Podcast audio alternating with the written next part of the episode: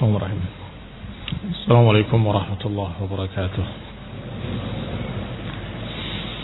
إن الحمد لله نحمده ونستعينه ونستغفره ونعوذ بالله من شرور أنفسنا ومن سيئات أعمالنا من يهده الله فلا مضل له ومن يضلل فلا هادي له وأشهد أن لا إله إلا الله وحده لا شريك له وأشهد أن محمدا عبده ورسوله صلى الله عليه وعلى آله وأصحابه والتابعين وتابع التابعين ومن تبعهم بإحسان إلى يوم الدين. يا أيها الذين آمنوا اتقوا الله حق تقاته ولا تموتن إلا وأنتم مسلمون. يا أيها الناس اتقوا ربكم الذي خلقكم من نفس واحدة وخلق منها زوجها وبث منهما رجالا كثيرا ونساء. واتقوا الله الذي تساءلون به والأرحام. إن الله كان عليكم رقيبا. يا أيها الذين آمنوا اتقوا الله وقولوا قولا سديدا. يصلح لكم أعمالكم ويغفر لكم ذنوبكم. ومن يطع الله ورسوله فقد فاز فوزا عظيما. أما بعد فإن خير الحديث كتاب الله. وخير الهدي هدي محمد صلى الله عليه وعلى آله وسلم. وشر الأمور محدثاتها فإن كل محدثة بدعة وكل بدعة ضلالة وكل ضلالة في النار. إخواني في الدين أعزكم الله muslimin yang saya hormati. Masih kita membicarakan tentang Al-Jannah wan Nar. Innahuma makhlukatan Tentang surga dan neraka bahwasanya kedua-duanya sudah diciptakan. Sudah dibacakan beberapa dalil-dalil dari ayat dan hadis yang menunjukkan bahwa jannah dan nar sudah diciptakan. Dengan ayat Allah Subhanahu wa taala tentang surga uiddat lil muttaqin, telah dipersiapkan untuk orang yang takwa. Demikian pula neraka Allah Subhanahu wa taala mengatakan uiddat lil kafirin, sudah dipersiapkan untuk orang-orang kafir. Demikian pula dalam hadis-hadis yang sahih bahwa Rasulullah SAW pernah melihatnya, bahkan diajak oleh Jibril untuk melihatnya, melihat jannah dan melihat nar. Pernah juga diperlihatkan ketika salatnya dan pernah dalam Isra dan Mi'raj beliau ditunjukkan maq'adahu tempat duduknya, tempat tinggalnya. Bahkan bertemu dengan bidadari atau salah seorang bidadari yang kemudian dikatakan milik siapa engkau? Dikatakan aku milik Umar. Maka karena aku ingat betapa cemburunya Umar, maka aku segera berpaling dan pergi. Kau muslimin yang saya hormati. Masih dibawakan dalil-dalil oleh Ibn Abdul Aziz Al-Hanafi rahimahullah dalam syarah Aqidah Tahawiyah. Qala wa fi sahih Muslim dan juga dalam sahih Muslim dari hadis Anas bin Malik radhiyallahu taala anhu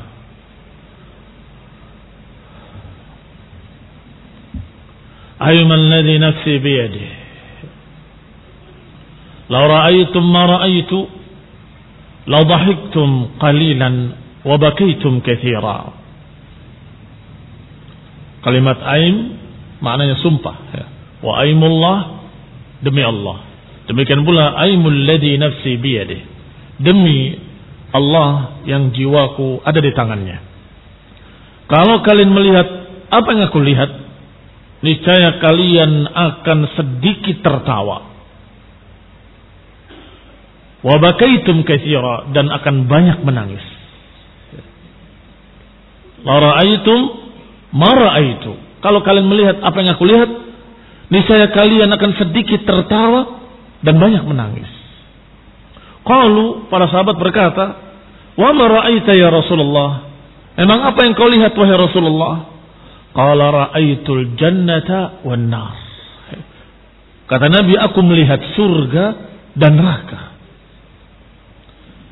Demikian hadis akhrajahu Muslimun fi sahihih. Artinya surga dan neraka sudah dilihat oleh Rasulullah sallallahu alaihi wa ala alihi wasallam. Diriwayatkan pula dalam Muwatta, Muwatta'nya Imam Malik dan dalam Sunan dari hadis Ka'ab bin Malik radhiyallahu taala anhu beliau berkata Rasulullah sallallahu alaihi wa ala alihi wasallam bersabda innama nasamatul mu'min tayrun ta'allaqa fi syajaratil jannah hatta yuraji'uha Allah ila jasadihi yaumil qiyamah disebutkan dalam muwatta dan dalam riwayat ashabus sunan kata Nabi alaihi wasallam sesungguhnya nasamahnya mukmin intinya seorang mukmin atau kadang diterjemahkan ubun-ubunnya seorang mukmin tayrun akan menjadi burung. Burung-burung yang bergantung di pohon-pohon surga. Hatta yuraji'uha ila jasadihi yaumil qiyamah sampai Allah kembalikan nasamah itu ke dalam tubuh-tubuhnya jasad-jasadnya. Bisa jadi wallahu taala alam bahwa yang dimaksud dengan nasamah di sini ar-ruh. Sebagaimana dikatakan oleh Ibn Abdul Aziz Al-Hanafi rahimahullah, wa sarihun fi dukhulir ruh al-jannah qabla yaumil qiyamah. Dan ini sangat tegas dan jelas tentang diletakkannya ruh di dalam surga sebelum datangnya hari kiamat. Menjadi burung-burung di dalam jannah. Ikhwanifiddin a'azakumullah. Bagaimana dengan ruh-ruhnya orang kafir? Dilemparkan ke dalam asfal safilin. Serendah-rendah tempat yang paling rendah disebutkan dilemparkan ke dalam tempat yang paling rendah.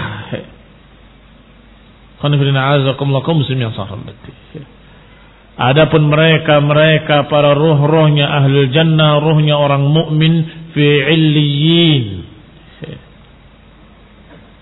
Illiyin tempat yang tinggi. Maka cocok dengan hadis ini bahwa nasamatul mu'min tayrun fil jannah. Nasamahnya seorang mukmin itu seperti burung-burung atau menjadi burung-burung dalam surga. Hingga terbang di pohon-pohon surga sampai nanti dikembalikan ke dalam tubuh-tubuh seorang mukmin atau tubuh-tubuhnya nanti ketika dibangkitkan.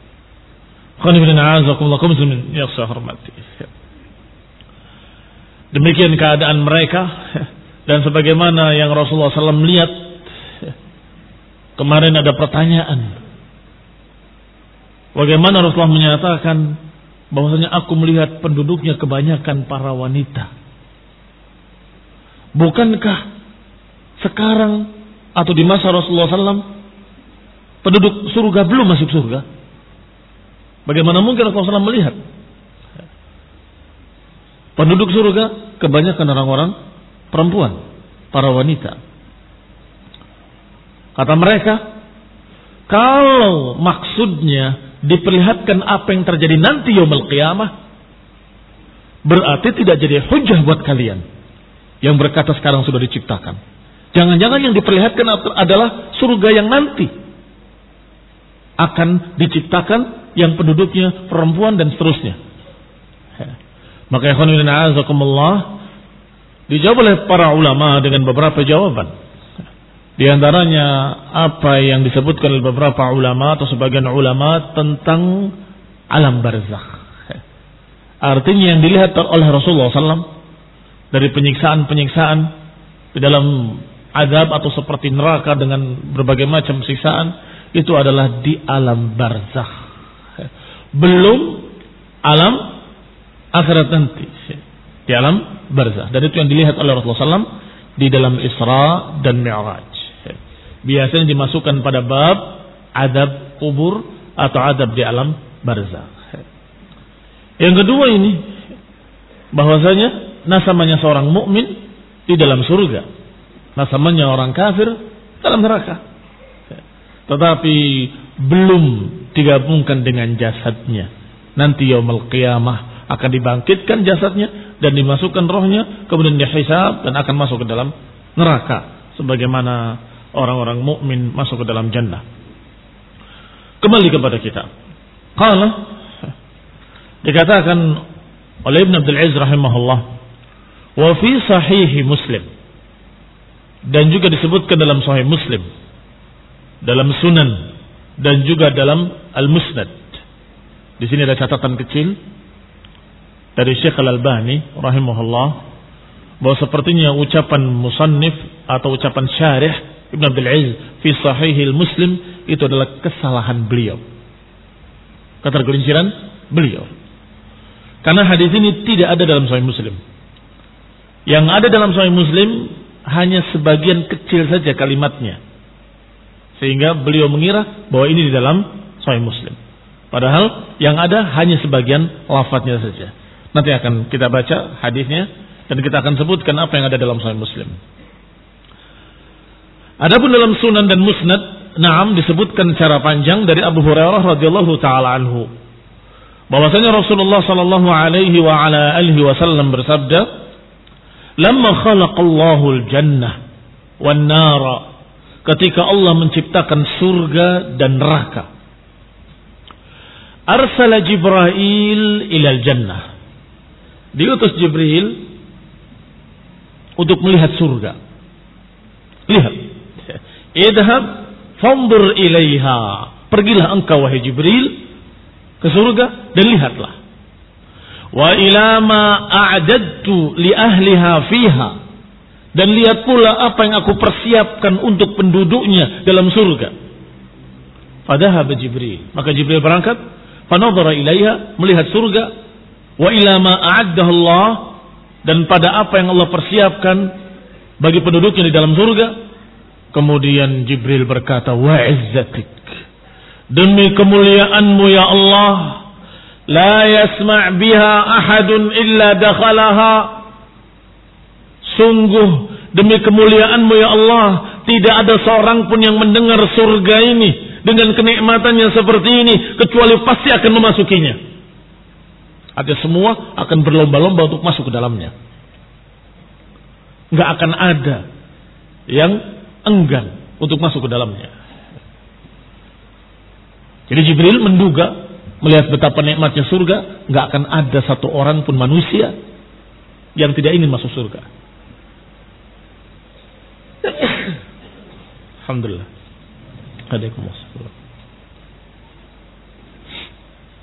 Kata Allah, ah, kata Nabi SAW, fahuffat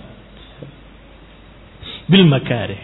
Maka surga itu Allah liputi di sekelilingnya dengan makari. Dengan perkara-perkara yang tidak disukai oleh manusia. Dengan perkara-perkara yang tidak disukai, yang dibenci. Kesusahan, keberatan, ujian-ujian berat.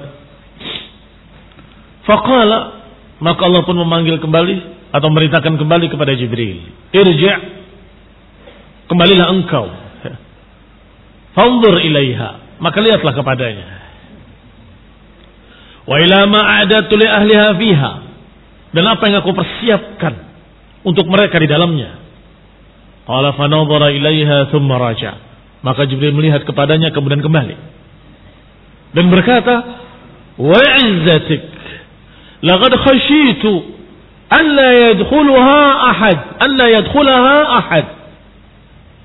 Sungguh Demi kemuliaanmu ya Allah, aku khawatir nggak akan ada yang masuk ke dalamnya. Karena terbayang surga dibikin oleh Allah Subhanahu wa taala diciptakan dengan seindah-indahnya. Dengan penuh kenikmatan di dalamnya. Sampai Jibril menyatakan kalau seperti ini niscaya semua manusia akan masuk ke dalamnya. Nggak akan ada orang yang enggan. Kemudian Allah liputi di sekitar jannah perkara-perkara yang berat, sulit, susah yang nggak disukai oleh hawa nafsu manusia. Setelah Jibril melihat demi kemuliaanmu ya Allah, kalau seperti ini keadaannya, aku khawatir nggak akan ada yang memasuk surga, nggak akan ada yang memasukinya. Kemudian Allah perintahkan yang kedua kepada neraka. Allah ciptakan neraka. Qala dhhab fanzur ilaiha wa ila ma a'adadtu li ahliha fiha. Lihatlah neraka dan lihatlah apa yang aku persiapkan untuk penduduk neraka. Maka Jibril melihat neraka. Yarkabu ba'duha ba'dan. Dalam keadaan sebagian di atas sebagian yang lain. Saling bertumpuk. Satu dengan sebagian yang lainnya. Thumma raja' Kemudian kembali kepada Allah SWT. Wa izzatik. Demi kemuliaanmu ya Allah. La yadkhuluha ahadun sami'a biha. Sungguh demi kemuliaanmu ya Allah Siapa yang mendengar neraka seperti ini, niscaya nggak akan memasukinya. Nggak akan mungkin akan masuk ke dalamnya. Artinya pasti akan menghindarinya. Fa'amara biha fahuffat bisyahawat. Maka Allah perintahkan neraka untuk diliputi dengan syahwat-syahwat. Neraka yang mengerikan tadi, yang tidak mungkin ada manusia yang akan memasukinya dan nggak mungkin ada manusia yang tidak mau menghindarinya, Tiba-tiba Allah perintahkan liputi dia dengan syahwat-syahwat. Maka jalan-jalan ke neraka penuh dengan syahwat. Syahwat duniawiyah. Kenikmatan dunia. Kesenangan dunia. Segala macam yang dianggap nikmat oleh syahwat. Idhab ilaiha. Kata Allah pada Jibril, pergi kepadanya. Undur Ilama a'datu li ahliha fiha. Lihatlah apa yang sudah aku persiapkan pada mereka di dalamnya. Dan lihat pula apa yang sudah meliputinya. Fanadhara ilaiha. Maka Jibril melihat kepadanya. Kemudian kembali kepada Allah dan berkata, Wa izzatik. Demi kemuliaanmu ya Allah. Laqad khasyitu alla yanjuwa minha ahad illa dakhalaha. Setelah melihat yang meliputinya, ternyata syahwat, Kata Jibril, demi kemuliaanmu ya Allah, kalau begini keadaannya, aku khawatir gak akan ada yang selamat. Aku khawatir mereka semua akan memasukinya. Demikianlah keadilan Allah subhanahu wa ta'ala. Allah ciptakan surga yang penuh kenikmatan, tetapi diliputi di sekitarnya perkara-perkara yang berat, yang tidak disukai syahwat. Yang tidak disukai oleh hawa nafsu hawa nafsu manusia. Sebagai imtihanan, sebagai ujian. Sebaliknya neraka yang mengerikan diliputi dengan syahwat, perkara-perkara yang mencocoki syahwat manusia, yang mencocoki hawa nafsu manusia, segala macam yang sifatnya bernikmat-nikmat berfoya-foya dengan dunia, semua jalan-jalan tersebut ada di jalan-jalan neraka. Rasulullah Ini juga ujian. Imtihanan dari Allah subhanahu wa ta'ala. Adapun yang dalam sahih muslim hanya kalimat huffatil jannah bil makarih wa huffatin nar bil syahawat. Hanya itu. Diliputi surga dengan perkara-perkara yang tidak disukai syahwat dan diliputi neraka dengan perkara-perkara yang syahwat yang cocok dengan syahwat manusia. Asyahid yang menjadi bukti pada hadis ini adalah ucapan dan riwayat ini menunjukkan bahwa Allah menciptakan surga dan neraka justru sebelum menciptakan manusia. Justru sebelum menciptakan penghuninya. Dipanggil Jibril, lihatlah. Wa nadhairu dhalika fi sunnati. Dan yang seperti ini nadhiruha Yang semakna dengan ini, yang seperti ini sangat banyak hadis-hadis. Kesirah. Sangat banyak riwayat-riwayat yang mencocoki riwayat ini. Artinya, sungguh telah jelas dan tegas dalil-dalil yang menunjukkan bahwa surga dan neraka sudah diciptakan. Kisah ini, riwayat ini dari Nabi SAW sallallahu alaihi wa ala alihi wasallam wa huwa as-sadiqul masduq. Dan beliau adalah orang yang jujur terpercaya menceritakan ketika diciptakan surga. Masa surganya belum diciptakan sudah diceritakan Ketika diciptakan surga, begini dan begitu. Jibril disuruh melihat ila akhirih. Wa amma ala qawli man qala innal jannatal maw'ud biha hiya jannah allati kana fiha Adam thumma ukhrija minha fal qawlu biwujudiha al-ana zahir. Adapun atas mereka yang berkata, bahwa surga yang dijanjikan adalah surga yang dulu Adam ada di dalamnya. Kemudian dikeluarkan oleh Allah Subhanahu wa taala. Maka itu lebih jelas lagi lebih jelas lagi. Sudah pernah ada dan sudah dimasuki oleh Adam alaihissalam. Maka wujuduhal an zahirun. Berarti keberadaannya sekarang zahir, sangat jelas. Manusia pertama sudah memasukinya, bahkan diciptakan di dalamnya. Wal khilafu fi dzalika ma'ruf. Sedangkan khilafnya ma'ruf. Ada perselisihan tentang apakah surga yang nanti dijanjikan adalah surga yang dulu ada di dalamnya. Qala bahwa ini adalah qaulul jumhur.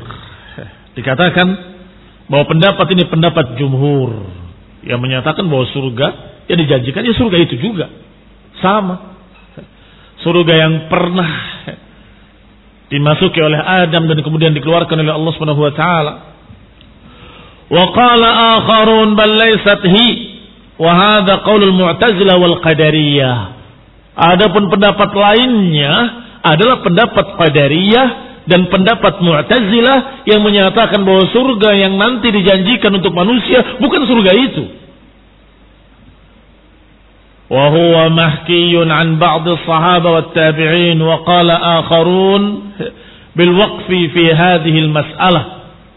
Dan sebagian para ulama berhenti tidak berkomentar. Wallahu taala a'lam. Apakah surga itu atau bukan? Karena tidak ada keterangan yang pasti riwayat yang langsung jelas atau yang wahir menerangkan tentangnya. Tetapi kembali kepada hukum asal bahwa al-jannah wal jannah. Kalau tidak ada keterangan lain, maka jannah yang dimaksud ya jannah yang dimaksud di zaman atau di waktu Adam di dalamnya. Alaihi salam. Hanya saja mereka memperdebatkan kalau itu jannah yang dijanjikan tidak mungkin akan ada yang dilarang. Karena surga di dalamnya tidak ada yang dilarang, semuanya boleh. Tetapi itu mudah dijawab.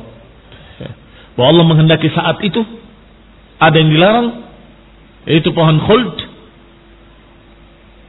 agar menjadi intihan buat Adam dan Allah ingin menakdirkan apa yang Allah takdirkan yaitu terjadinya kehidupan dunia dalam keadaan sudah pernah diketahui tentang jannah hanya saja nanti al jannatul mau'udah surga yang dijanjikan bagi mukminin yaumul qiyamah dalam keadaan sudah tidak ada lagi yang dilarang. Sudah tidak ada lagi sedikit pun yang diharamkan, semuanya boleh. Seluruhnya dihalalkan oleh Allah Subhanahu wa taala di dalamnya. Kembali kepada kitab Qala Ibn Abdul Aziz rahimahullah, amma syubhatu, adapun syubhat lainnya Man qala innaha lam tukhlaq ba'd. Siapa yang berkata bahwa surga belum diciptakan. Wa hiya annaha law kanat makhluqah al-an lawajabat tiraran an tufna yaumil qiyamah. Karena kata mereka ini syubhat ya, akan dibantah nanti. Karena kata mereka, kalau surga dan neraka sudah diciptakan, maka berarti akan hancur nanti. Yaumul qiyamah. Akan fana nanti yaumul qiyamah. Wa an yuhlak kullu man fiha wa yamut dan akan dibinasakan semua yang apa yang ada di dalamnya dan akan mati semua penghuninya. Bidadari, bidadari semua akan mati. Mengapa demikian? Kata mereka, karena Allah berkata, berfirman dalam Al-Quran, Kullu syai'in halikun illa wajhu. Mau nanti yaumul qiyamah, Kullu syai'in halik. Segala sesuatu akan binasa. Illa wajhuhu. Kecuali wajah Allah subhanahu wa ta'ala. Kullu nafsin dha'iqatul maut. Seluruh jiwa akan mati. Berarti kalau memang surga dan neraka sudah ada, begitu hari kiamat hancur semua. Karena semua akan hancur kata Allah. Kecuali Allah.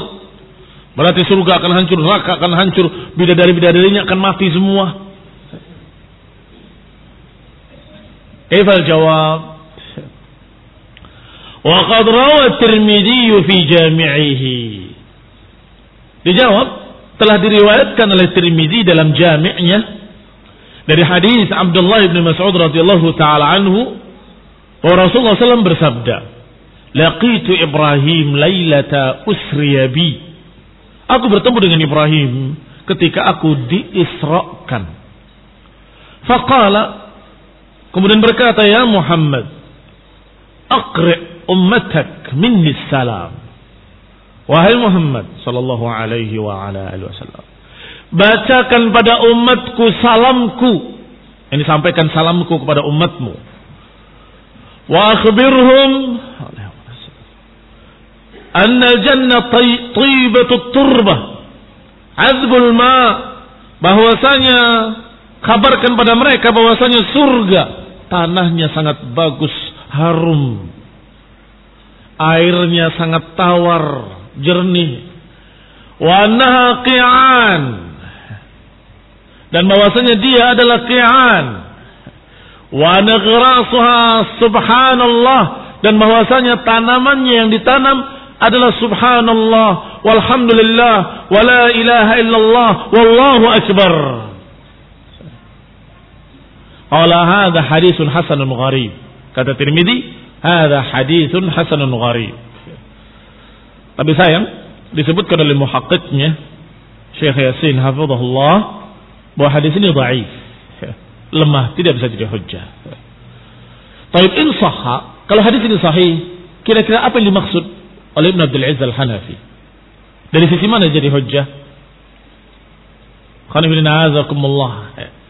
Sisi pendalilannya pun agak unik.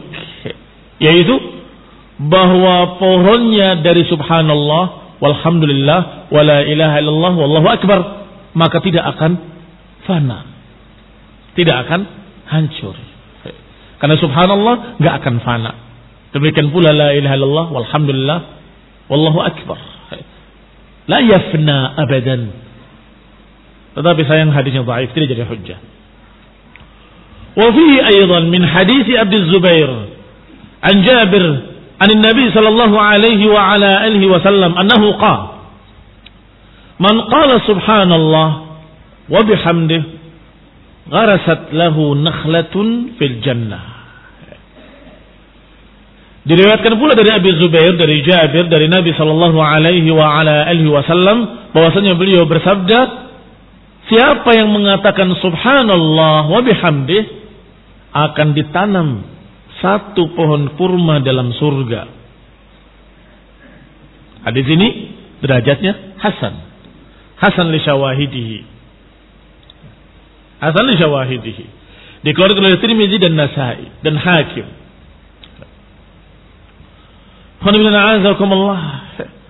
Artinya tumbuhan tadi tumbuh dengan ucapan seorang mukmin subhanallah wa bihamdih. Subhanallah bihamdi. Dan semua akan binasa kecuali wajhu, wajah Allah. Dan kata para ulama, semua akan binasa illa ma urida bihi wajhuh kecuali apa yang dikehendaki dengannya wajah Allah. Semua yang ikhlas yang dikehendaki dengannya wajah Allah nggak akan fana. Ucapan kita yang ikhlas, amalan kita yang ikhlas akan kekal terus, nggak akan hilang, nggak akan fana. Akan terus terwujud dalam bentuk pahala yaumul qiyamah. Ini khonidina azakumullah dan jannah salah satu bentuk pahala dari Allah Subhanahu wa taala. Maka nggak akan sirna. Karena itu wujud dari semua amalan-amalan saleh para hamba. Itu adalah pahala balasan dari amalan saleh para hamba yang dikatakan amalan yang urida bihi wajhuh nggak akan sirna, nggak akan fana. Masih ingat ucapan Rasulullah SAW kepada Aisyah. Kullun yabqa illa hada. Ketika beliau menyembelih dan kemudian dibagikan dagingnya untuk fuqara masakin diperintahkan oleh Nabi bagikan. Ketika Nabi pulang ditanya sudah dibagikan? Kata Aisyah, sudah. Fama baqiya illa hada. Sudah. Tidak tersisa kecuali ini. Kata Nabi, kullun yabqa illa hada. Yang tersisa ini kata Aisyah. Kata Nabi semuanya tersisa. Kullun yabqa. Apa mana baqiya? Kekal. Semuanya akan kekal, semuanya akan tersisa, terus nggak akan sirna. Illa hada. Kecuali yang ini. Yang dimakan kita habis. Sirna. Adapun yang tadi, yang urida bihi wajhuh sadaqah, maka la yafna abadan. La yafna abadan artinya yabqa. Kullun yabqa. Kembali kepada kita. Maka barakallahu fikum tidak akan sirna apa yang ada dalam jannah karena itu ditumbuhkan dengan subhanallah wa bihamdih. Ditumbuhkan dengan zikrullah, ditumbuhkan dengan amalan saleh, ditumbuhkan dengan amalan-amalan saleh manusia. Wahana hadis hasanun sahih Qalu falau kanat makhluqatan mafrughan minha lam takun qi'an. Walam yakun li hadzal gharsi ma'na. Kalau nantinya sirna hilang maka tidaklah pada ghoras tadi makna. Tanaman tadi apa maknanya? Kalau akan hancur. Kalau setiap orang mengucapkan subhanallah bihamdi ditanamkan sebuah pohon kurma dalam surga. Baik. Ini hadis hasan. Li syawahidihi.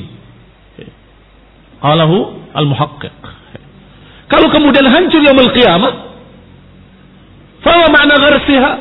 Kalau gitu apa makna gharsiha? Apa makna tumbuhnya? Apa makna ditanamnya? Apa faedahnya ditanam? Kalau ketika kamu menemui Allah yang kiamat sudah hancur.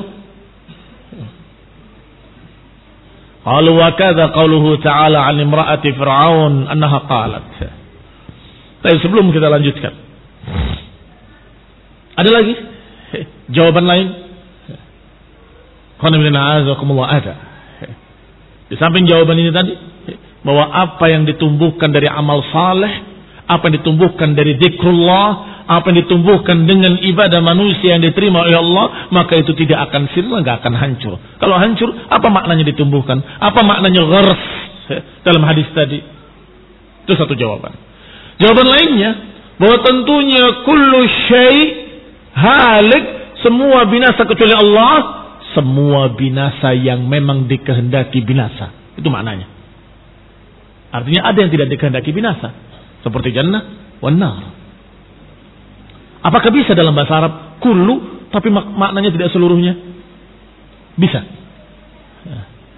Bisa. Sebagaimana dalam ayat Allah Subhanahu wa taala, "Tudammiru kulla syai'in bi amri rabbiha asbahu la yura illa masakinuhum." Perhatikan. Tudammiru kulla bi amri rabbiha, menghancurkan segala sesuatu dengan perintah Allah. Adab kepada kaum 'Ad atau kaum Samud. Tudammiru kulla syai, menghancurkan segala sesuatu. Amri rabbiha, dengan perintah dari Rabbnya. Fa asbahu la yura, hingga tidak terlihat lagi illa masakinuhum, kecuali tempat-tempat mereka. Masih ada sisa apa nggak ada sisa? Ada. Menghancurkan segala sesuatu dengan perintah Rabbnya sampai tidak terlihat lagi kecuali rumah-rumahnya.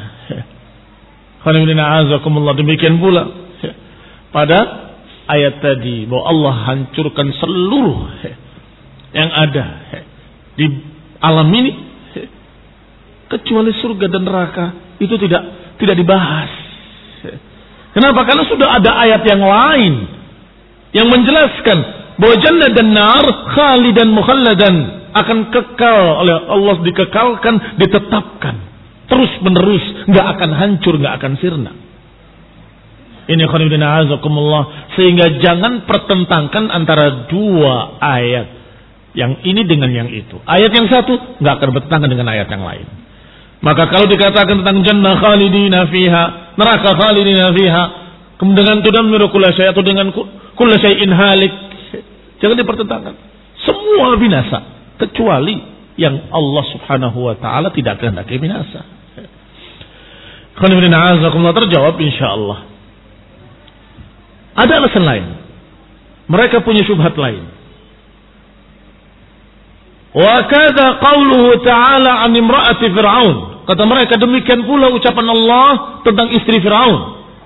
Berkata Rabbi ibnili indaka baitan fil jannah. Ya Allah bangunkanlah untukku rumah di surga.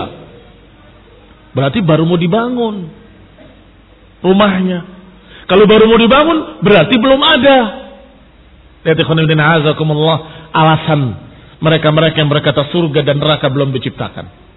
Beralasan dengan ayat Allah bahwasanya ucapan istri Firaun yang beriman kepada Allah, Rabbi bnili indaka baitan fil jannah. Wahai Rabbku bangunlah untukku rumah dalam surga. Fal jawab, maka jawabannya, innakum in aradtum biqaulikum innahal an ma'dumah bimanzilatin nafakh fis sur wa qiyamun nas minal qubur fahadha batil. Sesungguhnya kalian beralasan dengan ayat tadi. Kalau yang kalian maksudkan adalah bahwa sebelum dibangun berarti tidak ada surga sama sekali. Seperti tiupan atau kedudukannya seperti tiupan sang, sangkakala. Sekarang kan belum ditiup, nanti akan ditiup atau qiyamun nas minal kubur atau kamu anggap seperti kebangkitan yaumul qiyamah bangunnya manusia dari kubur-kuburnya sekarang belum terjadi nanti akan terjadi kalau kalian anggap surga juga begitu sekarang belum ada nanti akan diadakan fahada batilun maka ini batil yarudduhu ma taqaddam akan membantah ucapan kalian semua yang telah lewat yang sudah dilihat oleh Nabi, yang sudah dimasuki oleh Nabi, yang sudah didengar suaranya oleh para sahabat bahkan tahu kalian suara apa itu? Itu suara batu yang dilemparkan dalam neraka 70 tahun yang lalu. Sekarang baru mencapai dasarnya. Bagaimana itu? Kalau ternyata surga dan neraka belum ada. Nanti akan diciptakan di akhir zaman atau yaumul qiyamah. Pada batilun, maka ucapan kalian batil. Tetapi kalau yang kalian maksudkan adalah bahwa beberapa perkara belum diadakan bisa saja terjadi. Apa dalilnya? Yang tadi kita baca. Siapa yang mengucapkan subhanallah wa bihamdi akan dibangunkan sebuah pohon dalam jannah. Siapa yang membangun masjid dan sebagainya akan dibangunkan rumah dalam surga. Siapa? Berarti surganya sudah ada. Hanya saja akan bertambah berbagai macam kenikmatan di dalamnya sesuai dengan amalan saleh yang dikerjakan seorang hamba di dunia. Kalau itu yang dimaksud, fanaam. Kalau itu yang dimaksud, iya. Memang ada perubahan-perubahan seperti itu sebagaimana diriwayatkan dalam riwayat-riwayat bahkan disebutkan dalam ayat tadi Rabbi binili baitan fil jannah Wahai Rabbku bangunlah untukku rumah dalam surga Maka kalau kalian maksud maknanya belum ada surga sama sekali seperti tiupan sangkakala belum terjadi, seperti kebangkitan dari kubur belum terjadi, maka ini batilun. Yarudduhu terbantah dengan hadis-hadis yang telah lewat. Wa in aradtum annaha lam yukmil khalqu jami'i ma a'adda. Kalau yang kalian maksud adalah adanya sesuatu yang belum dilengkapi di dalamnya, maka bisa terjadi. Wa la yazalullah yuhdi fiha. Karena Allah masih terus memperbaharui, memperbagus, masih terus Allah tanam beberapa pohon-pohon dalam jannah.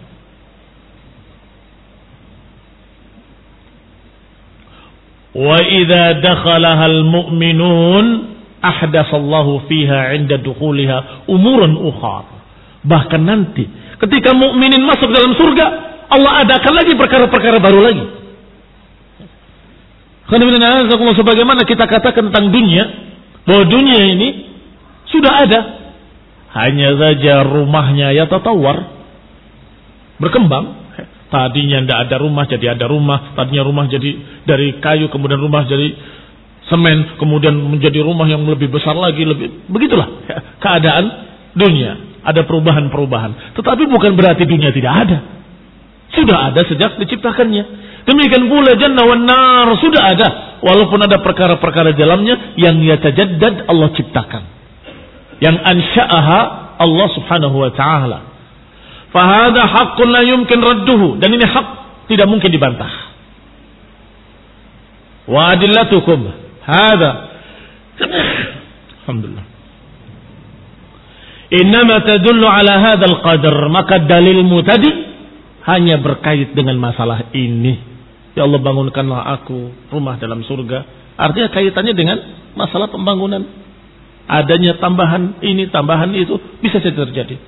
Bukan berarti surganya baru ada atau akan diadakan nanti. La Allah, tidak demi Allah. Wa amma tijajuhum biqaulih. Adapun alasan mereka dengan kalimat kullu syai'in halikun illa wajhuh atau illa wajhah disebutkan dalam surat Al-Qasas ayat 88. Fa'ataitum min su'i fahmikum ma'nal ayah.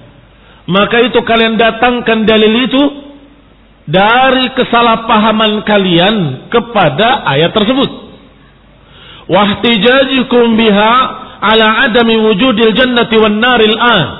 Yang kalian jadikan sebagai hujjah untuk menyatakan surga dan neraka belum ada sekarang.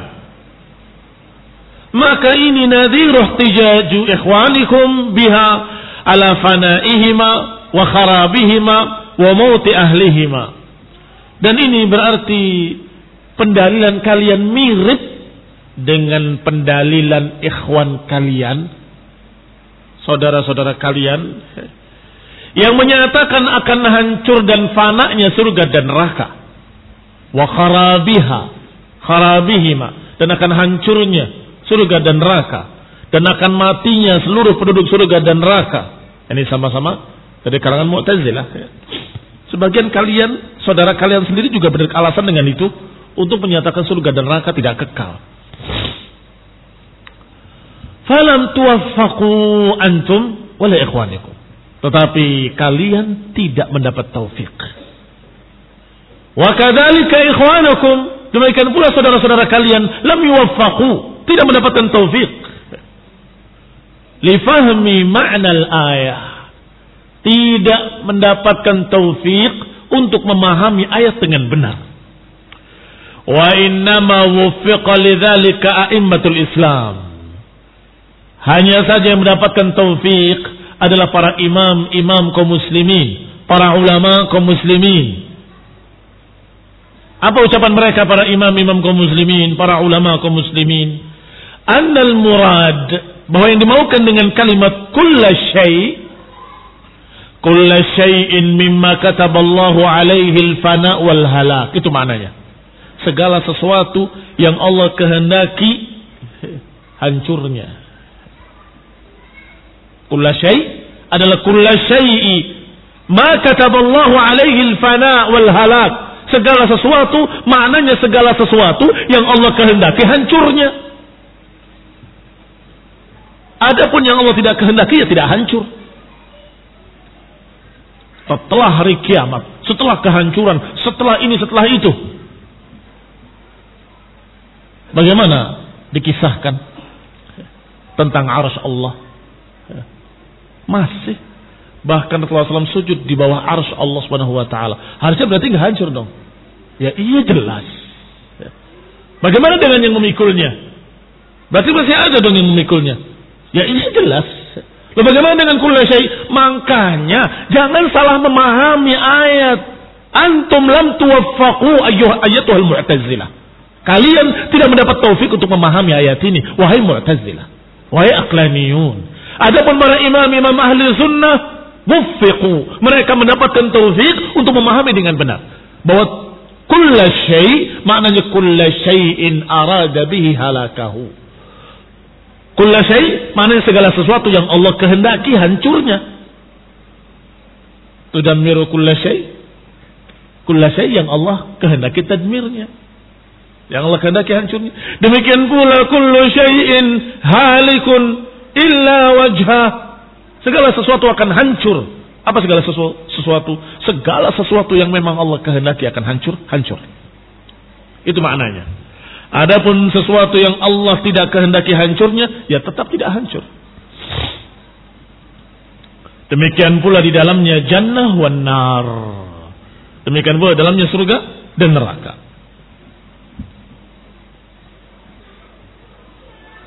Wal jannah wan nar khuliqata lil baqa'i lil fana. Surga dan neraka diciptakan oleh Allah untuk terus menerus. Untuk selama-lamanya. Wa kadzalikal arsyu. Demikian pula ars. Apakah hancur ketika datang hari kiamat? Ya tidak. Fa'inahu saqful jannah. Karena ars merupakan atapnya surga. Surga itu di bawah arus Allah Subhanahu wa taala.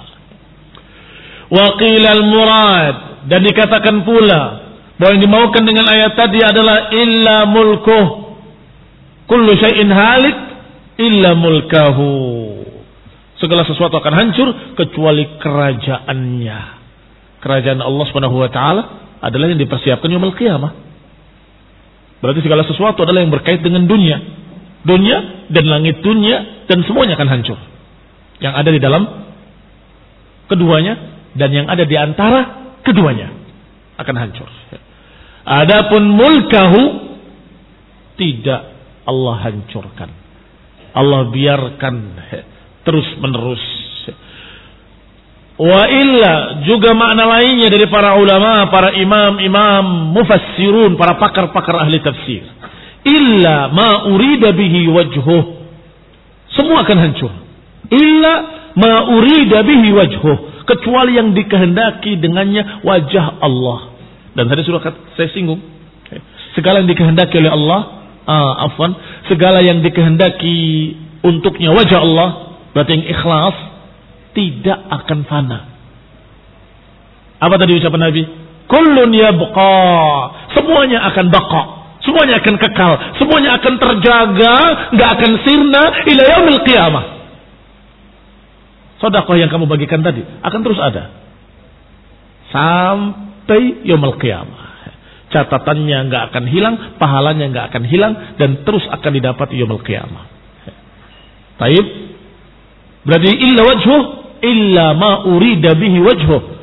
Kecuali Allah dan kecuali apa yang ikhlas untuk Allah. Semuanya nggak akan sirna. Akan terus ada. Akan didapat di dalam surga.